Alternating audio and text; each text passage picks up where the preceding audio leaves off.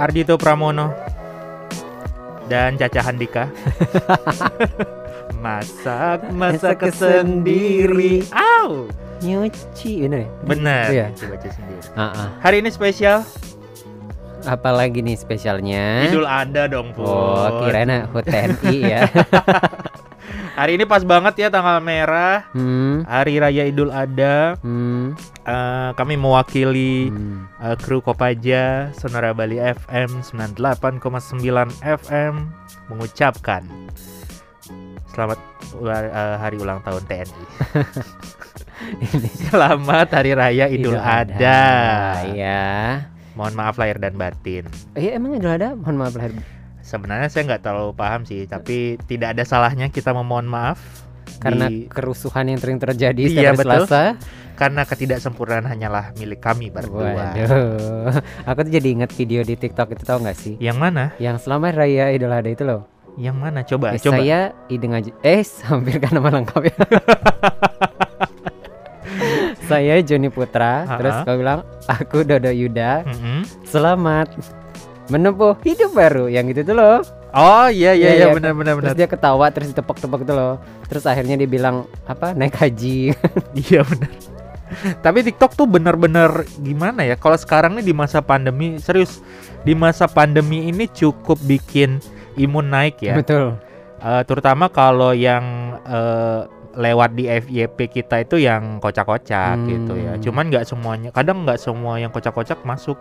Kadang tuh em, video yang part 2 tuh muncul di FYP kita. Jadi kita Iya, tuh iya, kayak iya. roaming, ini apaan ya Hmm. kenapa ngo- muncul di FYP kita gitu ya.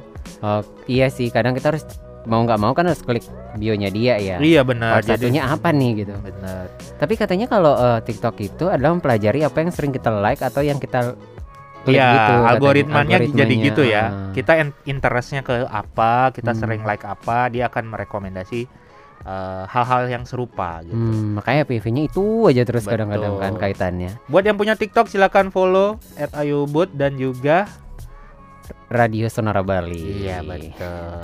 Untung hafal ya TikToknya ya. Asik. Untung nggak nyebut TikTok pribadi gitu kan. ya, em, ngomong-ngomong soal eh, Idul Adha dan Idul Kurban. Idul kurban.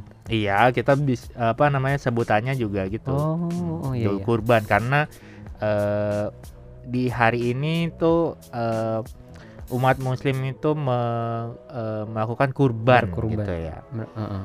Hewan, eh, jadi banyak hewan kurban yang diberikan kepada eh, orang yang membutuhkan. Hmm, sapi gitu ya. Iya, yang dikurbankan betul.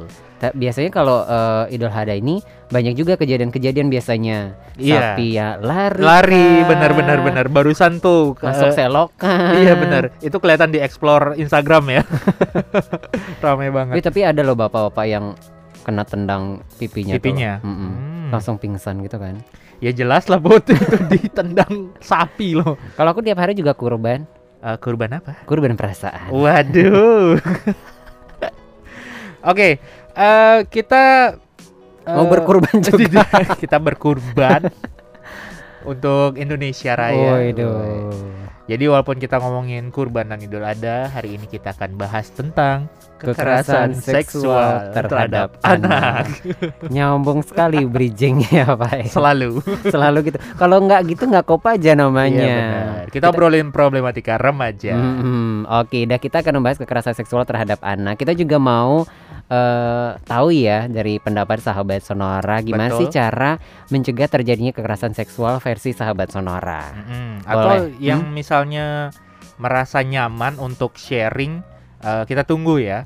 Karena ini bukan hal yang apa ya, bukan hal mudah untuk di, di dibagikan gitu ya, atau Hmm. di eh, hal mudah untuk sharing gitu. Namun kalau misalnya teman-teman nyaman buat sharing, kita tunggu ya sharingnya.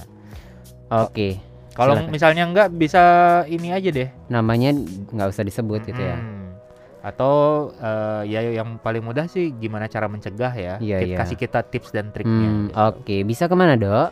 Bisa di @sonorabali_fm dan juga @ayubut via At- Instagram hmm. dan Twitter. atau WhatsApp 081390289890. Nah, sore hari ini kan kita ngobrolin kekerasan seksual terhadap anak gitu ya. Betul. Emang ada apa dengan kekerasan seksual terhadap anak ini sampai eh, menarik untuk kita bicarakan di Kopaja sore hari ini gitu. Ya sebenarnya itu bukan hal baru ya kekerasan seksual terhadap anak itu ya, tapi justru makin eh, memprihatinkan eh, di belakangan ini gitu. Apalagi semenjak pandemi eh, banyak kasus yang akhirnya terjadi di di ranah keluarga gitu.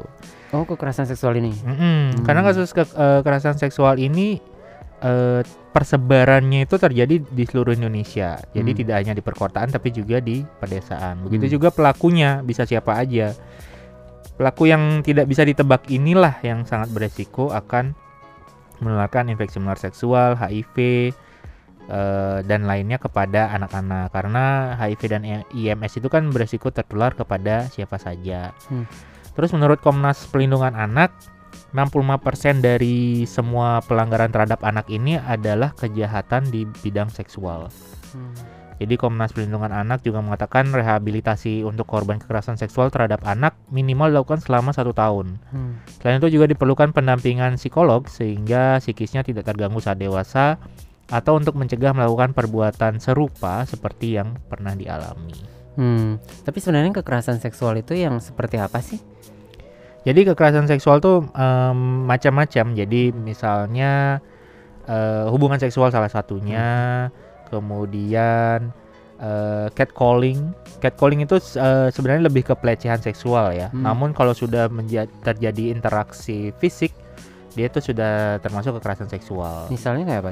Kekerasan seksual yang ada eh, apa sentuhan fisik misalnya eh, dicium, dipeluk, di apa ya diraba dan konteksnya itu tanpa eh, con- consent tanpa persetujuan Oh. nah itu sudah termasuk kekerasan jadi ketika kita sebagai orang yang disentuh tanpa consent tanpa izin gitu Hmm. ya dan tidak menyenangkan atau tidak nyaman buat kita itu termasuk kekerasan. Oke, berarti kalau misal kita jalan sama teman terus dirangkul tanpa izin kita? iya betul Ah, itu juga. Mm-mm. Nah, pertanyaannya sekarang adalah apakah kamu nyaman teman kamu melakukan itu gitu. Oh, berarti kalau nggak nyaman itu tergolong Kekerasan kekerasan seksual. seksual, betul. walaupun itu misalnya perempuan sama perempuan. Iya. Sama lagi. Mm. Oh. Pada poinnya adalah balik lagi kepada orang yang menerima itu. Kalau gitu. nggak nyaman atau ngerasa Mm. nggak nyaman gitu ya. Iya, Itu tidak tergolong. menyaman dan merasa itu di luar eh, boundariesnya, di Hmm. luar batasannya. Nah, itu termasuk eh, kekerasan. Oke, itu ya sahabat saudara. Nanti kita bahas lagi tentunya eh, tentang kekerasan seksual pada anak ini sebenarnya apa sih eh, penyebab gitu ya terjadinya kekerasan seksual terhadap anak. Nanti kita bahas setelah jeda. Zaman sekarang semua serba digital. Begitu pula Sonora Bali hadir di digital. Subscribe YouTube channel kami Sonora Bali Official. Follow sosial media kami Twitter, Instagram @sonora Bali FM. Facebook fanpage Sonora Bali 98,9 FM. Anda juga bisa mendengarkan kami via streaming di www.sonorabali.com atau sonora.id atau bit.ly slash streaming KG Radio. Selain itu, Anda juga bisa berbagi informasi seputaran Anda dalam bentuk foto ataupun video, baik peristiwa ataupun lalu lintas. Kirimkan informasi Anda melalui WhatsApp atau Telegram di 0813 9028 9890. Format informasi, ketik nama, alamat kejadian, dan deskripsi singkat kejadian.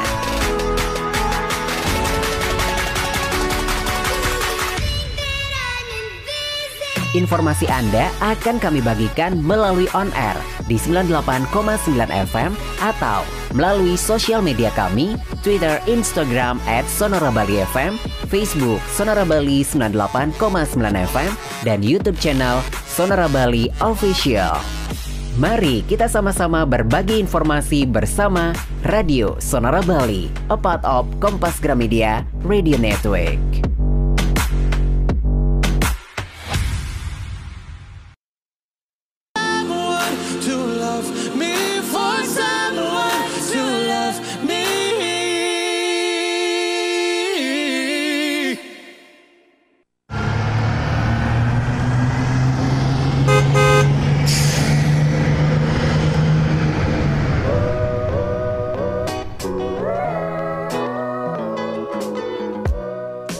Dodo Ardito Pramono. Joni Putra Caca Andika. Iya. Aduh. Masa. Aku masak sendiri. Au. Eh, sembako tuh eh siapa nyanyi? Bukan ya? Itu kan Yadi sembako. Oh, sembako Bilan sembilan bah. bahan pokok. Eh, nggak tahu ya. Cowok juga kan nyanyi kan? Iya, yang goyangannya gitu tuh kan. Nggak tahu juga. Thomas lah. Jordi. Oh, Thomas Jordi. Iya gak sih? Dia pernah bergabung di grup Gaul G4UL kalau nggak salah Oh nggak tahu aku. bersama Dodo Yuda. Enggak, enggak, enggak. bersama Bang Ipul kalau nggak Oh, salah ya. Saipul Jamil. Iya, kayaknya. Oh. Ya Baru sudah tahu. Kita lewati Caca Handika dan Thomas Jorgi Kenapa ya. kita bahas Thomas Jorgi dan Caca Andika sama Bang Ipul? kita masih bahas tentang kekerasan seksual terhadap anak ya. Betul. Dan tadi kita udah bahas eh, kenapa sih kita membahas ini? Mm-mm. Ternyata banyak terjadi seperti itu. Terus juga kayak tadi eh, dirangkul kalau kita ngerasa eh, tidak nyaman tuh termasuk tergolong kekerasan seksual gitu ya. Mm, mm, Tapi sebenarnya apa sih gitu yang nyebabin ataupun penyebab terjadinya kekerasan seksual terutama terhadap anak gitu? mm. Nah, kalau yang kita obrolin barusan itu kan yang ke Umum ya? usia-usia kita kan. Hmm. Yang kita udah tahu kalau itu tuh tidak nyaman buat kita. Nah, Hmm. gitu. Cuman kalau buat anak kan beda ya. Hmm, Nah. Ben- kita udah merangkum beberapa penyebab gitu ya kenapa eh, terjadi kekerasan seksual terhadap anak. Hmm. Yang pertama itu karena kesalahpahaman penerimaan informasi. Jadi pelaku kekerasan seksual terhadap anak tidak hanya orang dewasa. Kalau LBH Apik eh, Jakarta juga mencatat pelaku kekerasan seksual eh, seksual itu adalah anak-anak dan remaja usia 10 sampai 17 tahun. Pelakunya. Ya, jadi tidak hanya orang dewasa tapi remaja atau anak-anak usia 10 sampai 17 tahun. Ini terjadi karena kesalahpahaman mereka menerima informasi dari teman dan juga internet tentang seksualitas yang idealnya informasi tentang seksualitas itu diberikan oleh orang tua dan guru di sekolah sejak dini sehingga bisa menghindari kesalahpahaman penerimaan informasi. Oh, jadi eh, kesalahpahaman penerimaan informasi itu juga ngaruh ya tentang Betul. si pelaku ini melakukan kekerasan seksual. karena yang harusnya info itu didapat dari orang tua dan guru tapi orang tua dan guru kan eh, tidak semuanya open gitu ya Hmm. jadi banyak yang membuat hal ini menjadi tabu Hmm. sehingga anak-anak usia 10 sampai 17 tahun ini mencari informasi di internet Hmm. gitu nah informasi yang dicari di internet kan tidak semuanya benar gitu ya bahkan perlu pendampingan untuk penjelasan dari sebuah informasi gitu nah akhirnya banyaklah eh, kalau menurut LBH Apik gitu ya lembaga bantuan hukum Apik Jakarta eh, mencatat eh, 10 sampai anak-anak dan remaja usia 10 sampai 17 tahun itu men- juga menjadi pelaku kekerasan seksual Hmm. selain orang dewasa. Oke, karena memang di internet itu harus pinter-pinter juga ya kita eh, menyaringnya seperti Mm-mm. itu ya. Terus, yang, yang kedua itu ada video dan kisah-kisah porno. Hmm, Jadi video porno itu menjanjikan hal-hal yang semu bagi penonton setianya, seperti anak-anak yang dengan mudahnya berhubungan seksual dengan orang dewasa hmm, tanpa ada paksaan dan kekerasan dan berakhir dengan kenikmatan yang tiada tara. Wih. hmm. Begitu juga kisah-kisah porno yang beredar bebas di internet yang menggambarkan mudahnya seseorang berhubungan seksual. Namun, kalau kita lihat di dunia nyata, hal tersebut sangat bertolak belakang. Tiap anak tidak dengan mudah menerima perlakuan seperti itu, sehingga terjadi kekerasan seksual. Belum lagi dengan akhir dari perlakuan kekerasan seksual tersebut yang dapat menimbulkan trauma fisik dan psikologis pada si anak. Hmm. Jadi kisah-kisah porno dan video gitu. Karena di eh, industri film eh, biru, weh, film Kenapa biru ya? yang layarnya biru semua ya, entah karena rusak atau tidak gitu. Jadi film porno apa industri film porno itu ada sebuah cerita, biasanya ada Hmm. plot ceritanya Hmm, gitu. hmm, hmm. Nah, itu di-create, guys. Jadi tidak serta-merta seperti itu. Tiba-tiba Hmm. ada orang dewasa terus deketin anak kecil, anak kecilnya dirayu terus mau berhubungan seksual. Nah, itu nggak seperti itu dalam Hmm. kenyataannya. Hmm. Nah, kalau misalnya em, kalian pernah melakukan hal tersebut, terus anaknya diam aja, dia bukan mau eh, tidak sepenuhnya mau, tapi mereka takut. Ketakutan gitu ya. ya. Mungkin ini juga kemarin kan viral juga si uh, yang mendampingi anaknya. Nonton Nonton video itu. Itu porno itu. Katanya kalau dari media-media luar atau peneliti Hmm. luar tuh malah eh, memuji caranya seperti itu, Hmm. mendukung cara seperti itu. Nah, itulah pro kontra ya, karena Hmm. kita tidak tahu eh, karena Yunisara tidak memberikan eh, klarifikasi sebenarnya seperti apa Hmm. eh, proses eh, lengkapnya eh, dia dia mendamping apa dia mengajarkan tentang eh, seksualitas kepada anaknya gitu Hmm. ya karena yang kita baca kan di headline-nya aja Hmm. mengajarkan mengajarkan seksualitas dengan menonton video porno bareng gitu anak-anak. bareng gitu. anak-anak nah itu kan memang menjadi hal yang sangat eh, Wow, sensitif di gitu ya. Indonesia tidak seperti di eh, Belanda Australia Hmm, gitu ya dan lain-lainnya. Oke, baik. Nanti kita akan lanjut lagi karena masih ada penyebab lainnya, tapi masih ada yang mau lewat ya, sahabat Sonora. Habis tanda waktu kita balik lagi.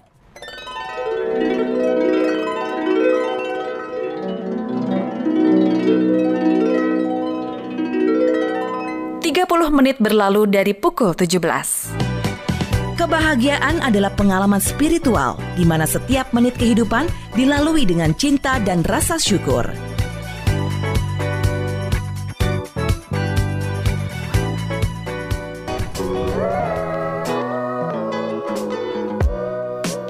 Kau aja kita obrolin problematika remaja Sampai jam 6 sore. masih ngomongin kekerasan seksual terhadap anak dan remaja. Betul, kita lanjut lagi ya penyebab eh, terjadinya kekerasan seksual terhadap anak. Tadi udah yang pertama kesalahan pemahaman penerimaan informasi, terus juga video dan kisah-kisah porno. Terus ada apa lagi nih? Yang ketiga ada penyalahgunaan teknologi informasi. Jadi eh, mudahnya seorang menggunakan internet dan segala aplikasi chatting serta media sosial yang bisa digunakan di mana aja kapan aja dan juga oleh siapa aja Hmm, menjadikan seseorang dengan mudah merayu korbannya dengan berbagai iming-iming.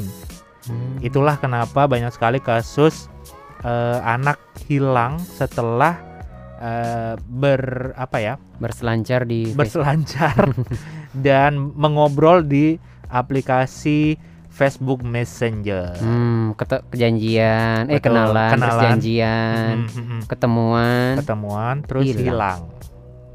Itulah dia. Dan sekarang tuh banyak aplikasi dating ya, dating Iya, iya, online. iya, iya, iya, Jadi kalau dulu tuh kan ada Tinder, Tinder, Dede Tinder. Thunder itu tolong ya. ada Tinder, ada eh, tan Tatan gitu ya, Tantan gitu ya sekarang kalau Aku taunya Tinder aja sih. Tinder, Tantan, Grinder. Apalagi tuh? ya cari sendiri Grinder tuh apa ya. Oke oke. Dan Ini lain-lain. Banyak PR ternyata aku sore ini ya. Jadi saya belum mengenal betul dunia sosial media ternyata. Saya ngerasa udah jadi influencer Wow. gitu kan. Followersnya 20 Kak, orang. banyak sekali ya. Oke, lain itu apa nih penyebabnya? Terus eh, penyebab yang terakhir yang eh, dihimpun oleh tim riset, d- eh, anak tidak memahami bagian tubuhnya. Nah ini Hmm. karena minimnya pengetahuan seorang anak tentang area seksualnya yang semestinya tidak bisa disentuh oleh sembarang orang, menyebabkan anak mudah mengalami kekerasan seksual. Hmm. Perlu edukasi dan informasi minimal dari orang tua tentang bagian tubuhnya, fungsi-fungsinya serta cara menjaganya dan masih banyak lagi faktor yang memang sengaja dilakukan ataupun karena adanya kesempatan. Hmm. Oke, berarti sebagai orang tua itu perlu juga ya mengenal eh, memberikan edukasi ataupun mengenalkan eh, organ-organ tubuhnya terhadap anak ini gitu. Iya, betul. Jadi eh, penjelasan atau informasi yang sederhana aja, misalnya bagian tubuh ini tidak boleh dipegang oleh orang lain kecuali mama dan papa, seperti itu. Jadi Hmm. eh, hal-hal yang sederhana yang eh, mudah dipahami oleh anak-anak gitu ya yang itu juga eh, perlu di, diinformasikan karena ya itu tadi kalau tidak seperti itu eh, banyak kasus yang kekerasan seksualnya itu tidak dilakukan oleh orang lain tapi dari Orang keluarganya terdekat ya? mm, orang Hmm. terdekatnya dari pamannya kakek neneknya dan lain-lain Oke, tapi sebenarnya eh, ngomongin pengenalan eh, bagian tubuh ini terhadap anak ini s- dari umur berapa sih idealnya kita memperkenalkan itu terhadap eh, anak kita gitu? ketika dia sudah mulai eh, memahami atau dia sudah mulai toilet training, sudah mulai eh, mengerti mandi, Oh, Sud- toilet training tuh gitu. Tak kira training bersihin toilet. Sih. toilet training bersih eh, training bersihin Bersihin toilet. toilet. Eh, lebih ke CS ya. Itu probation untuk cleaning service.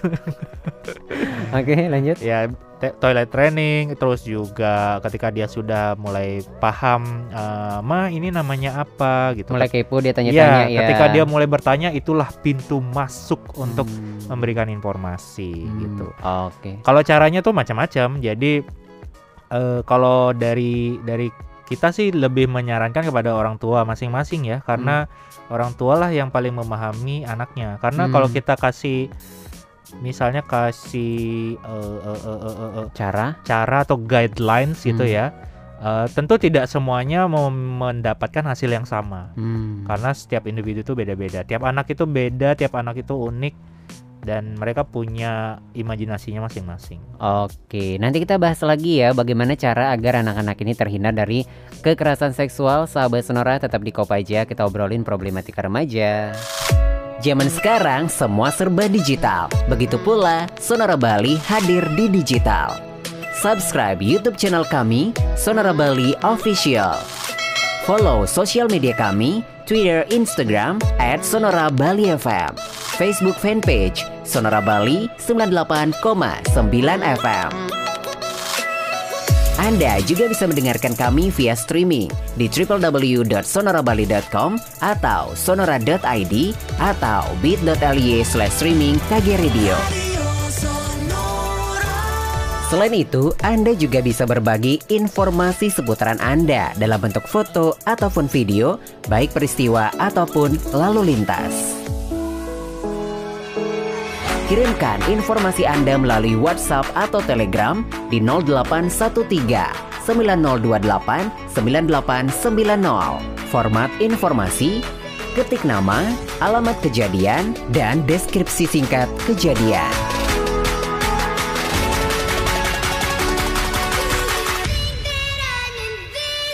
Informasi Anda akan kami bagikan melalui on air di 98,9 FM atau melalui sosial media kami, Twitter, Instagram at Sonora Bali FM, Facebook Sonora Bali 98,9 FM, dan YouTube channel Sonora Bali Official. Mari kita sama-sama berbagi informasi bersama Radio Sonora Bali, a part of Kompas Gramedia Radio Network.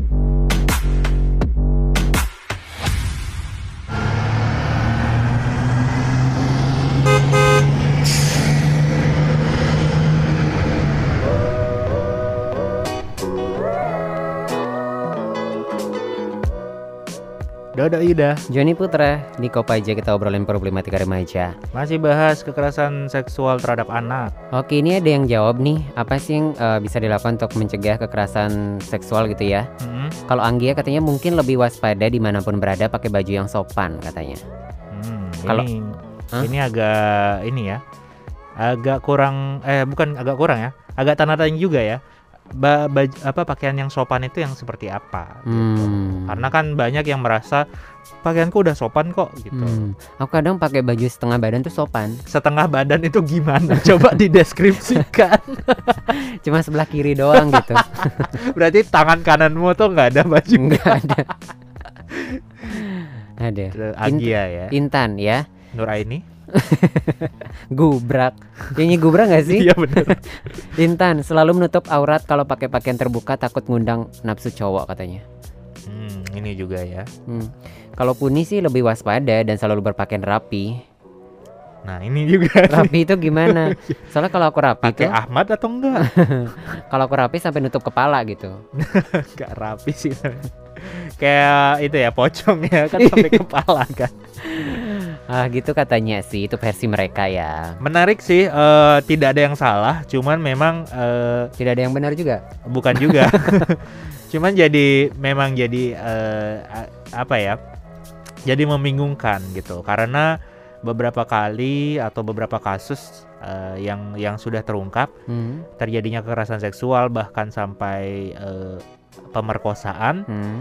itu tidak hanya terjadi pada orang yang eh, berpakaian yang dalam tanda kutip seksi Hmm. atau minim atau membuka aurat gitu Hmm. ya karena eh, be- anggaplah beberapa bulan yang lalu eh, terekam CCTV eh, seorang pria tiba-tiba menggesekkan alat kelaminnya kepada seorang perempuan yang sedang sholat malah Waduh, ya kan itu kan udah tertutup banget itu ya. tertutup banget kan auratnya nah jadi memang sedikit membingungkan gitu Hmm. namun yang pasti yang salah bukan kamu atau eh, teman-teman yang menggunakan eh, pakaian sesuai dengan yang disuk- disukai ya tapi yang salah adalah pelakunya Tetap pasti pelaku ya.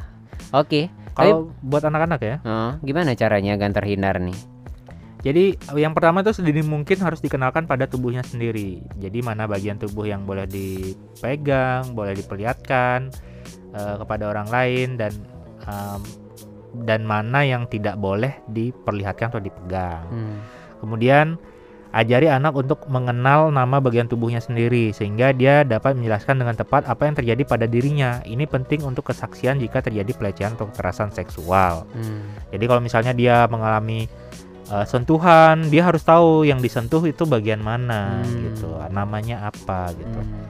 Terus Kemudian yang ketiga, anak harus dibiasakan untuk menolak perlakuan orang lain yang menyebabkan dia merasa tidak nyaman, uh, terganggu atau sakit.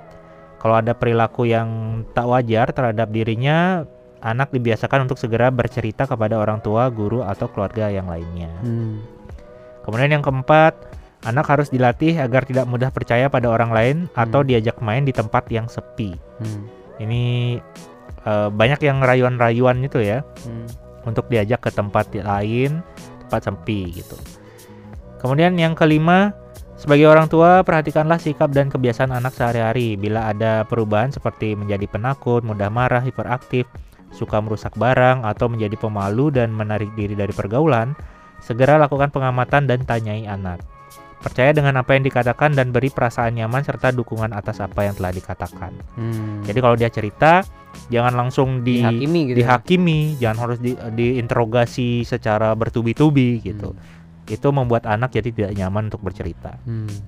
Yang keenam, ajarkan anak untuk selalu terbuka dalam menyampaikan perasaannya. Jauh banget ya. ketinggalan ya, ketinggalan. Buat dia juga selalu bercerita perasaan baik eh, perasaannya yang baik eh, saat senang, sedih, takut dan gembira. Hal ini membuatnya tidak akan merasakan hal sekecil apa pun termasuk perlakuan yang diterima oleh orang sekelilingnya. Dengan begitu bisa diketahui siapa aja yang ditemui dan dekat dengan si anak. Hmm. gitu. Jadi nggak cuman yang eh, sedih-sedihnya aja atau sakit-sakitnya aja, yang seneng juga kita dengarkan ceritanya. Hmm. Kemudian hindari memaksimalkan, eh sorry, hindari memakaikan aksesoris yang terdapat nama saat bermain atau berada di tempat umum, karena bisa saja ada orang asing yang menghampiri dan manggil namanya dengan mengaku sebagai suruhan orang tuanya. Hmm, biasa kayak namaku dikasih Joni Hmm, Joni. gitu ya. Joni, Iya. eh Om disuruh jemput Joni nih. Katanya eh, Joni eh, mau diajak ke Time John. ya Joni yuk. Ke time zone ya, Om. Hmm, nah, Oh iya ya gitu ya. sepe- semacam itulah. Hmm, mungkin kalau nanti aku namakan Joni, Mm-mm. hmm. aja kasih Syahrini gitu namanya Oh, kan. boleh juga. Hmm. Syahrini, maju mundur, maju mundur. muka kamu kok gini ya sekarang? Terus Yang kedelapan, jika usia anak sudah cukup untuk bisa memahami kejadian, buatlah cerita dengan pertanyaan bagaimana jika gitu atau what if gitu ya. misalnya Misalnya, gimana jika ada orang dewasa yang memberikan permen? Hmm. Atau gimana jika ada orang yang tidak dikenal mem- memegang penis atau vagina kamu? Hmm. Dengan kemungkinan-kemungkinan yang bisa dipahami oleh anak-anak gitu. Hmm. Jadi jangan eh, kemungkinan-kemungkinannya yang eh, masuk akal dan rasional diterima oleh anak-anak. Hmm. Jadi bagaimana jika eh, jadi jangan pertanyaan semacam ini. Eh, Nak Joni, Aduh, ndak Joni. bagaimana jika bumi itu datar? Bingung ya anaknya ya. Bu, ada tali, Bu. Mungkin langsung rontok ya. Iya. Jadilah seperti ini kayak dulu saya di dicerca pertanyaan gitu ya kali ya. Pakai rambut rontok belum waktunya. Makanya rambutnya Putra jadi rontok. Kalau aku ya. ditanya kamu dikasih permen ngapain? Aku jual balik gitu, bisnis. Oh gitu. Beli eh, buy one get one gitu ya. Aduh. Dari Mustar 751. Hai Mus. Enggak enggak mus juga sih. Loh, kan mus. Mustar gitu dong. Oh iya, tar. Eh iya tar. Tadi pertanyaannya bagaimana cara mencegah eh, kalau menurut Mustar 751 ini dengan cara memberikan sosialisasi tentang pola asuh anak dan remaja. Wah, ini boleh juga sih. Hmm, berarti ini ke orang tua ya. Iya, karena pola asuh itu eh, bisa menjadi salah satu cara gitu ya. Hmm. Karena eh, jadi pola asuh yang dasarnya Hmm. kemudian bisa dimodifikasi oleh orang tua masing-masing. hmm. Karena sekali lagi eh, setiap anak itu unik, setiap anak itu eh, istimewa. Jadi istimewa. cibi cibi cibi. Jadi mereka punya apa ya? kit- eh, orang tua orang tua perlu punya strategi tersendiri pada anaknya Hmm. gitu. Jadi strategi A kepada anak A belum tentu bisa memak- dimaksimalkan kepada anak eh, B gitu. Hmm, berarti ini juga menyesuaikan dari karakter anak itu sendiri mungkin Betul ya. sekali buat anak yang hiperaktif, Hmm. buat anak yang Pendiam. pendiam itu kan beda lagi strateginya. Hmm, mungkin kalau anaknya kayak aku sama Dodo kan beda cara gitu iya ya. benar. Kalau kamu kan hiperaktif gitu kan. Kalau kamu Pendiam saat tidur. buat remaja juga gitu ya Put. Hmm. Buat remaja eh, informasi itu eh, tidak perlu ditutup-tutupi gitu ya. Jadi eh, diberikan informasi yang eh, benar. Jadi eh, fear bukan fear based lagi gitu. Hmm. Jadi bukan berdasarkan ketakutan lagi gitu. Jangan eh, karena buat anak remaja kan udah nggak cocok lagi. Nanti kalau kamu melakukan ini, nanti kamu begini loh gitu. Nah itu kan Hmm. berdasarkan ketakutan Hmm. gitu. Jadi udah tidak masuk akal lagi buat Hmm. remaja sekarang. ya. Atau malah ditanya kalau kamu dikasih permen jika bagaimana jika Hmm, kamu dikasih, Kasih permen, permen. Ya saya tolak lah. Saya lebih minta uang. buat beli paket data. Oke deh, karena udah mau jam 6 sore. Betul. Yang mau sudah satu jam cerita-cerita, ya. mm. Hmm. Eh, yang mau cerita-cerita juga seperti itu dan konsultasi gitu Seperti itu. gara-gara sharing ini. Ya udahlah kalau mau ngobrol-ngobrol eh, dengan kita silakan di @ayubut bisa di Instagram atau Facebook. Bisa juga @sonora Bali FM, bisa Instagram atau juga Facebook dan Twitter. Betul, dan dengarkan terus Kopaja setiap hari Selasa dari jam 5 hingga jam 6 sore. Ketidaksempurnaan hanyalah milik kami berdua karena sempurna hanyalah milik Andra and the Backbone. Selamat sore, En. Sampai jumpa.